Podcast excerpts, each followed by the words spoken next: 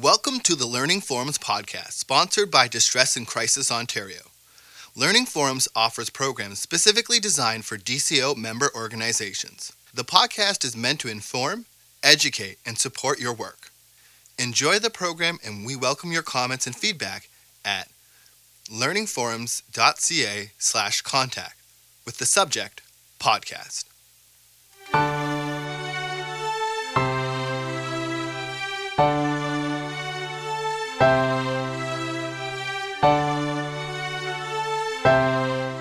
Hello, my name is Richard Messier. I'm a program coordinator at Community Torchlight, the Distress Center in Guelph, Wellington, and Dufferin County. Uh, today, I would like to present the Learning Forum on the topic of sexual orientation and gender identity.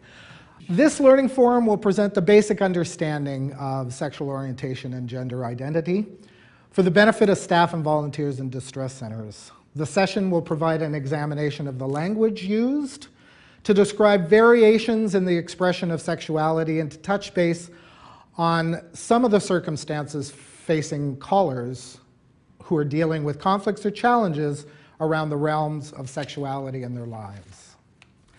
So let's take a look at sexual orientation. So, what is the definition of sexual orientation? It refers to an enduring pattern of emotional, romantic, and our sexual attraction to males, females, intersexes, and or all sexes. Now, what does that mean? It can refer to an individual's sense of personal and social identity based on the attractions that they have, the behaviors expressing those attractions, and a membership in a community of others that share those basic attractions. Sexual orientation is usually discussed in three categories we talk about homosexuality, bisexuality, and heterosexuality. The orientation exists along a continuum, at one end being exclusive heterosexuality, and at the other end being exclusive homosexuality. Various forms of bisexuality would fall in between those two in the continuum one of the things that we're currently seeing in talking around sexual orientation and gender identity is a lot of sexologists will feel that this linear um, model is much too oversimplified for the nuances of human sexuality. So, what I'd like to present is a series of continuums that will deal with sexuality, sexual orientation, and gender identity on various levels. The first continuum is that one which we've already talked about, which is sexual orientation. So, what is a person's erotic or romantic physical attractions? And that could be, as we said, one extreme heterosexuality, the other extreme homosexuality. Falling in the middle of that continuum would be various forms of bisexuality. And we're also going to include asexual individuals. Then we'll go to the other continuum, which is biological sex. So that one is assigned at birth. Much research is looking and pointing at fetal development, chromosomal structuring for the actual development of biological sex. So, again, on one end of the continuum, we have male. On the other end of the continuum, we have female. In the middle of that continuum, we have what's referred to as intersex. And as we talk a little bit about the definitions, we'll talk about what intersex refers to. So we have those two planes. We have the biological sex and we have the sexual orientation. I'd also like to talk about gender identity, and that is the sense of self when it comes to gender. On one side, we have boy man. On the other side, we have woman girl. And in the middle of the continuum, we're looking at third sex, intersex, two spirited. Again, when we come to talk about the terminologies and definitions, we'll pull that one apart a bit and explain it. The fourth plane is we're looking at sex role. And that is really the externalized communication of a person's sexuality. So, in their behaviors, how are they externalizing that? And we have on one end of the scale masculine, on the other end of the scale feminine, and the continuum will hold the variations between those two extremes. So we look at those four different continuums to try to explain the complexities of sexuality and gender identity. If we look at what traditionally has been the Western society's view of uh, gender, ori- gender identity or sexual orientation, we're looking at a very narrow possibility. The majority of times within Western society is that we've looked at heterosexuality as the norm, that uh, when we looked at gender issues, our biological sex, that we held power within the masculine or the male, and within the female or woman girl, we would see that as less powerful uh, and other attributes. What we're looking at is, to a certain extent in our callers today, what kind of conflicts come up for them within those different continuums. For example, someone who's born biologically a male, raised in what is predominantly a heterosexual environment, identifies their gender as male, and is fairly grounded and comfortable with that. When it comes to sex roles, that particular individual may not feel aggressive or active and feel more comfortable with a more passive role. When it comes to their sexual orientation, they may describe or live a lifestyle externalized as heterosexual, but may fall somewhere more in the middle of that continuum with bisexuality. So we're looking at an individual who has a conflict between those planes and where they live.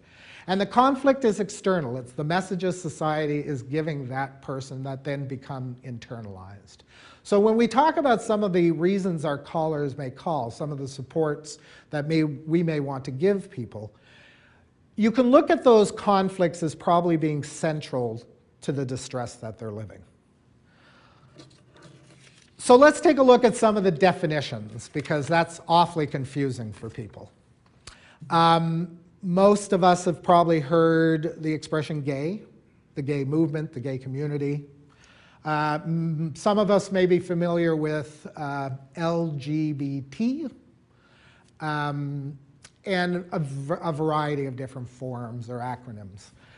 I'd like to use the license plate, which seems to be the one that a lot of people are comfortable with today. And keeping in mind that although you're listening to this learning forum, that it depends on your geography, where you happen to be, what the movement is talking about. Language is very much driven and evolving within this particular topic. For the sake of the present, we'll go with the LGBTIQ2A. Now, a lot of times people will be pretty comfortable with the LGBT part of the license plate. So, lesbian, L, a female who's emotionally and physically attracted to other females. Fairly straightforward, most of us would be aware of that. Gay, now, gay is a tricky one because to a certain extent it was used as an umbrella term for many, many years for the community. So, anybody who fell outside of the heterosexual norm would be within the gay community. And we're looking back 20, 30, 40 years ago. That term today is, using more, is used more to define a male who is, again, emotionally and physically attracted to other males. So, gay has become more of a term used to refer to male homosexuals. Bisexual, again, in the middle of the continuum between heterosexuality and homosexuality, would be people who have various levels of bisexuality. We look at transgendered. So, transgenders is an encompassing term used to unite people whose gender identity contravenes the gender norms that we have. So, male, female, anybody who doesn't fit specifically into that, having matched their other dimensions. So, we're talking about a female who's heterosexual, um, who was born a female. So anybody who steps outside of that sort of social norm when it comes to the different planes we've talked about would fit under the encompassing term. Now, within transgendered, you have a variety of forms. You have transsexualism um, and, and another list of them. We won't get into too many details today uh, when it comes to sort of subsections. Intersex, are third sex, and there's a lot of different titles for for that particular uh, grouping of people. Individuals who at birth have either genitalia or chromosomal makeup of both male female sexes are an underdevelopment of what would be considered medically or biologically an underdevelopment of the norm of genitalia. And in the past, what the medical community has done is determined at the birth of that person what sex would be the most appropriate biologically for them to live with. So, an undeveloped testes, an underdeveloped penis, there might be a decision by the medical community at birth to have that person raised as a female. So, there's not a question necessarily of looking at the different continuums that we just talked about, but a determination was made basically on the physical appearance of genitalia. At this stage in the movement, in the community, and people who are working with sexuality, trying to define a safe and respectful place for intersex is that it's not one or the other, but try to be more accepting of the variety or variations that we might see in human sexuality. Then you have Q. Does anybody sort of know where Q stands? Q would be questioning. So there are a group of people who will identify as either rejecting a very narrow label and undefining their sexuality or not defining their sexuality with those particular labels. And for a lot of people, it's because they're open to an evolving understanding of their sexuality, or they haven't determined where they place themselves on those continuums. And that that's okay. Before that confusion might have been difficult because there was really no place to go and have that respected. But now that the LGBT extended license plate community has opened themselves up to that particular place being an okay place to be in our development of our sexuality. We talked about two spirited, which is a First Nation term of transgendered individuals. So, in the First Nations, that term is used to describe people who believe they are born with both the spirit of male and female. A. A stands for a lot of things. In some license plates, it'll stand for um, allies. So, people within the greater community who are supportive of the acceptance and um, human rights of all citizens, including those who would identify under one of these non normed gender or sexual orientations. Um, also, asexual. A can stand for asexual also. And then I'd like to add to the end of the license plate the question marks to give the idea that that license plate is fluid and will develop as we develop a better understanding of our sexuality. So, those are some of the terms and some of the basic explanations for the terms. We looked at sexuality and gender identity as being a fairly complex, nuanced issue, and that the different continuums we looked at in every individual person's life will have a personal dimension to it, an individual dimension to it, and that we need to be conscious of that, although we may understand and have knowledge about the theory of sexuality and sexual orientation and gender, is that when we are supporting people around these issues, that we really strive to understand. As the motto goes, it is better to understand than to be understood. So instead of trying to label or hand one of these terms to someone who's calling us for support, it's to ask them. Because at different places in their lives, they may be more comfortable or less comfortable uh, with certain labels or terminologies or explanations of themselves. What are some of the issues? So I, I've narrowed down sort of four big topics that people would use our support with who are dealing with these issues. One of them is heterosexism.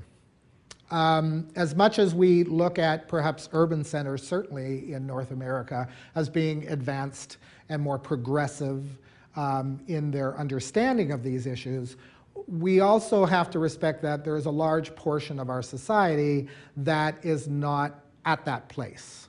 And that we are living in a predominantly heterosexual patriarchal society. And that that prominence holds a lot of power and influences a lot of people's sense of self.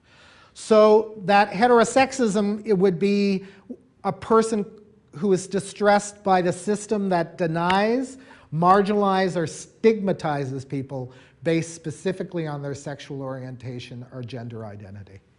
We look at discrimination. So, in a broader sense, we may encounter people who feel the discrimination is based on their gender identity or their sexual orientation, and we're seeing discrimination in housing, in employment, in social group activity, uh, schools, so we need to be open to the fact that for a lot of people who will be supporting in these issues, that it's a practical issue. It's not simply an identity issue for them. For a lot of people, it will be working out and being comfortable with that identity. But for a lot of people, we're also going to see practical I've lost my apartment for these reasons. I've lost my job. So that, that'll be the presenting uh, topic for a person calling sometimes. It may not be because I was discriminated against right away. Um, because of growing up within this heterosexist environment, many of the people struggling with these issues do not necessarily equate the rest of the community as being supportive. So for them to reach out directly and honestly with their communication to us is perhaps too much to expect. And how do we create an environment through the use of empathy, um, to bring that about, to make this a safe environment for that. There's two other processes that we may see with people calling the lines. And one of them is the coming out process. And that, that basically is the level of openness or honesty one's living their lives when it comes to their gender identity and sexual orientation. So, with coming out, we're looking at usually three different or four different phases or levels of coming out. The first is self identification. And that can be the place where there is a considerable amount of distress. Because again, we're talking about people who are outside of the norm, who are growing up in a very heterosexist society, who then are confronted with the reality that they don't fit. So if we looked at the learning forum that talked about grief and, lo- uh, and loss and bereavement, this is what would be experienced by people who are at this level. Because it's a loss of identity in the sense of, I'm not going to get married, I'm not going to have children, I won't be like everybody else, I'll be discriminated against. Um, it's a fairly difficult, and no matter whether these fears or hesitations are realistic or not, it's still that process of them redefining. So that sense of loss, that change, the threat, the risk of change for them in their lives is, is the distress causer for most people in that situation. Um, and there are some that during a period of self-disclosure will, will decide on one level or another, or for some period of time or another, to stay closeted.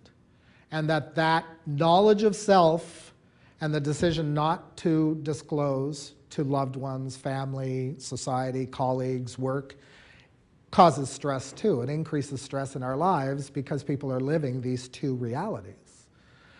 And there's a fair amount of investment of energy and time into having those two realities be separate. Some people will choose to go from self disclosure to disclosure to their intimate friends, so the peer group. So, best friends, siblings.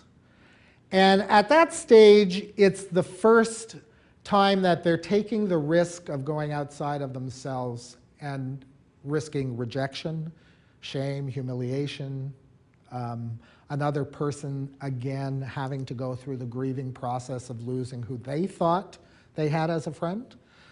So there's that process that For a lot of people, if there's a negative reaction, will be will sometimes hold back and delay the process of coming out.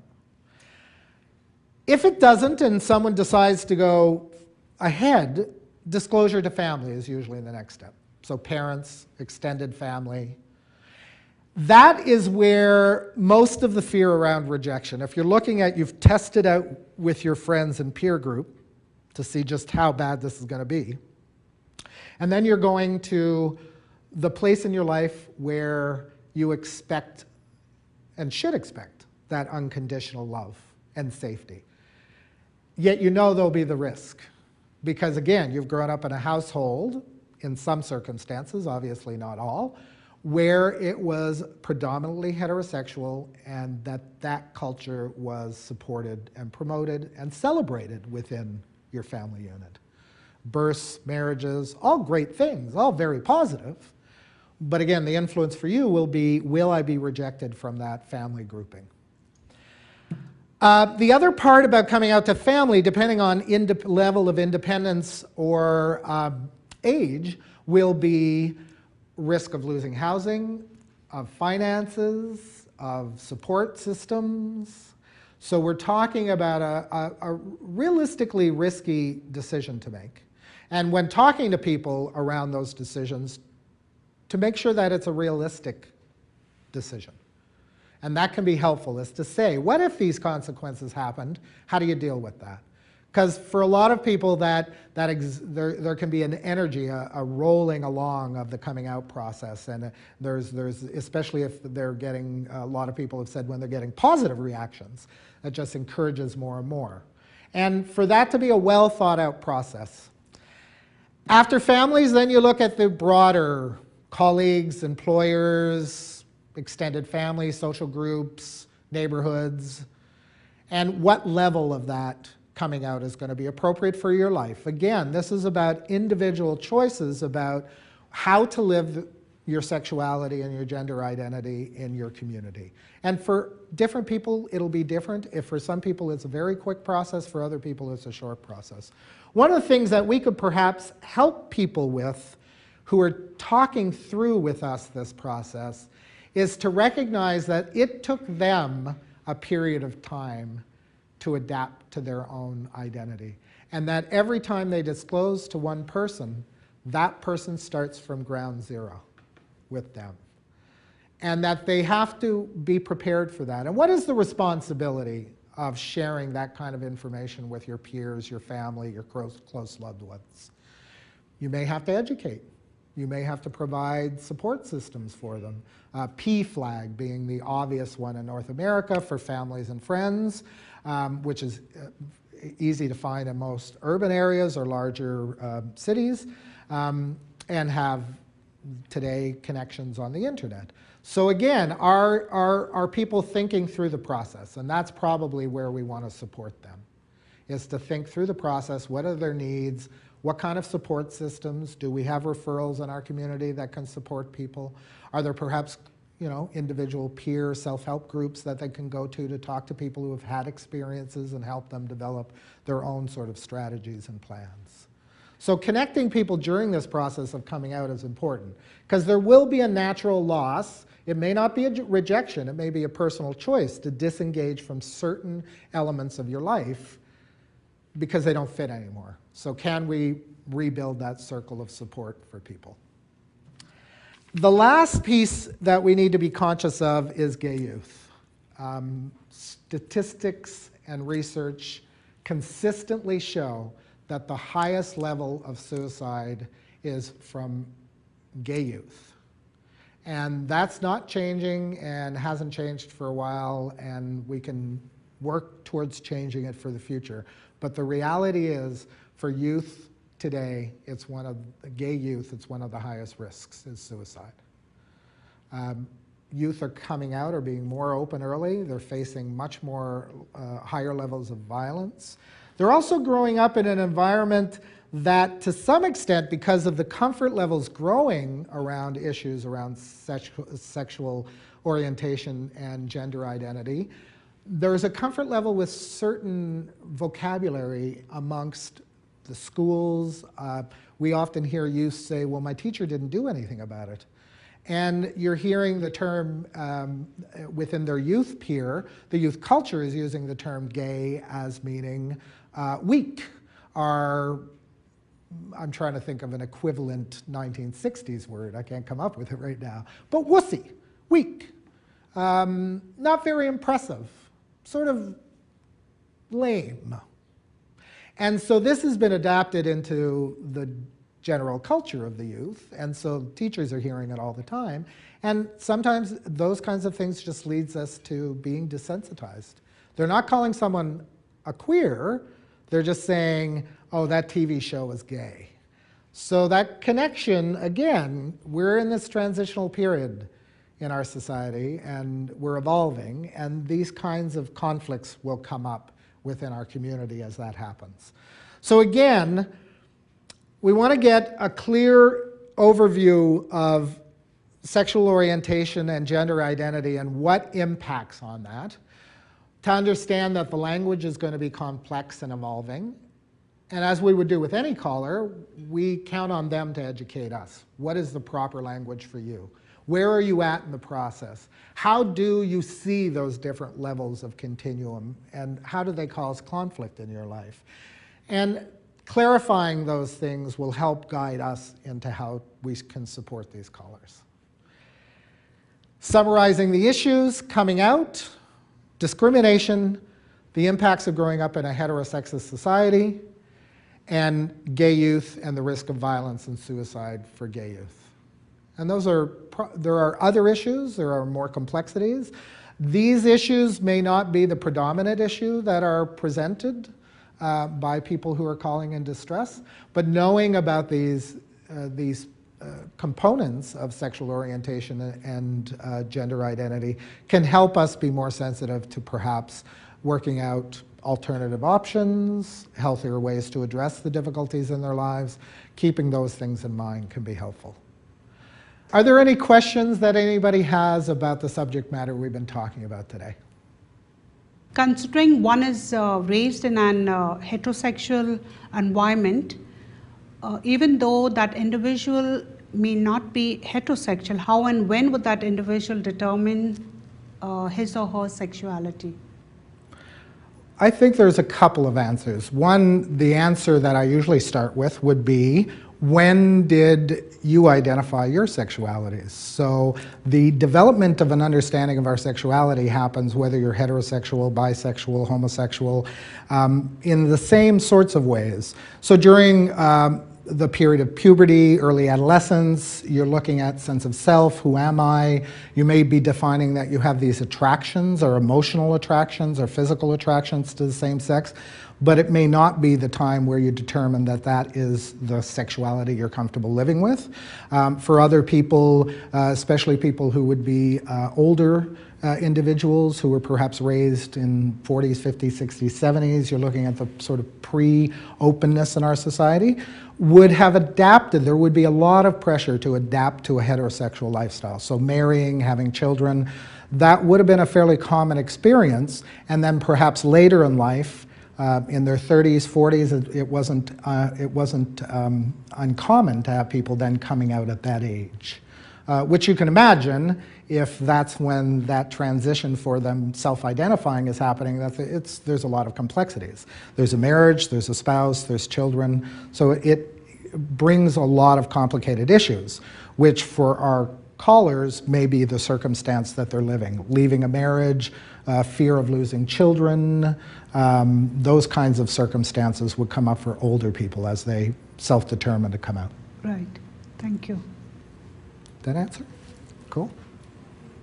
Richard, I'm, a, I'm aware of uh, some resources available in Ontario uh, when it comes to um, people um, struggling with issues around uh, sexual orientation and uh, gender identity. Um, can you make any recommendations that you are aware of? Certainly. I would suggest in the communities that we actually are located that calling public health is usually a good way of getting connected to local resources. And I have a slide that will show four provincial resources. Um, one actually is federal resources that you can use or the clients who call us can use at any time to get more detailed information. Uh, there's the Coalition for Lesbian and Gay Rights in Ontario um, that has a, a, very large archive of resources available across the province and federally. There is the Gay, Bi, and Trans Youth Line, very, very supportive uh, service for people who are youth dealing with these issues, very safe for them. There's an 800 number, and there's also um, online services. So the youth doesn't even have to call. They can go online and ask questions, uh, express themselves, and have responses. They can also read the forums to see what other people are dealing with.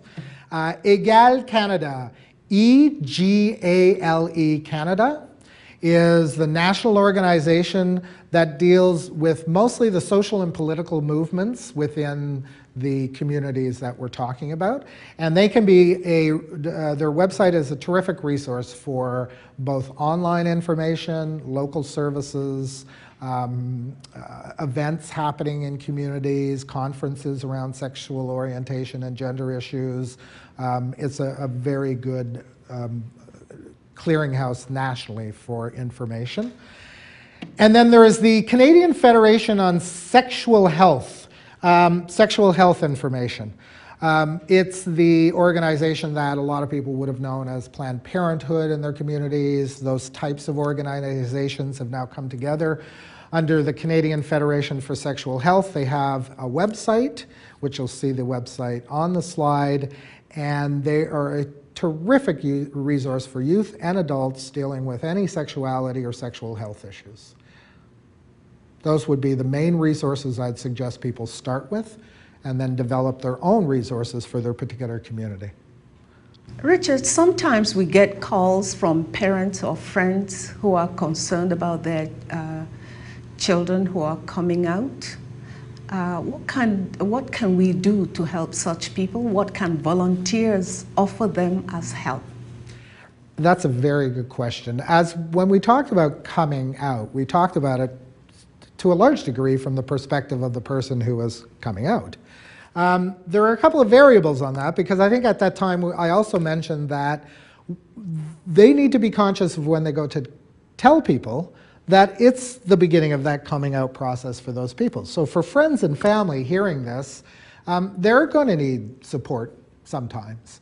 Um, when they're calling us, how do we want to support them? Well, we want to support them the way we would any caller. Help them identify what the issue is. Is it fear for the person who's just come out? Uh, worried about them being discriminated against or harmed by uh, hate crimes? Is it about their own discomfort of working with that person's relationship with them? Um, it could be a lot of different issues. So I think we can support them in helping to identify why they're calling. What is the issue for them? What is, what is their needs in this particular process? When it comes to resources, I would say across the board in this country, certainly in this province, is PFLAG. Uh, most people have seen them in the news. If you watch the Gay Pride Parade in Toronto, they're a big contingency. And that organization was formed by parents of young gay people who were coming out to have a resource where they could come together and they could support each other in the process and advocate for their children and friends who were gay and lesbian. So PFLAG, Parents and Friends of Lesbians and Gays a very resourceful uh, website. They have meetings in most medium to large size communities, so people can go to group meetings and support each other. Um, so I would certainly use that as a resource for if they were asking for more resources. Um, and that's why I talked a little bit about the importance of when someone's saying to us, I'm going to come out to people, that they take that responsibility as part of the process is how do you make sure you educate and support the people you're coming out to? Um, that doesn't always happen. If they call us, then we can provide them with the PFLAG information, which would be the most appropriate setting. Also, the um, Canadian Federation for Sexual Health would be able to help a lot of people with different questions they might have about that. Thank you.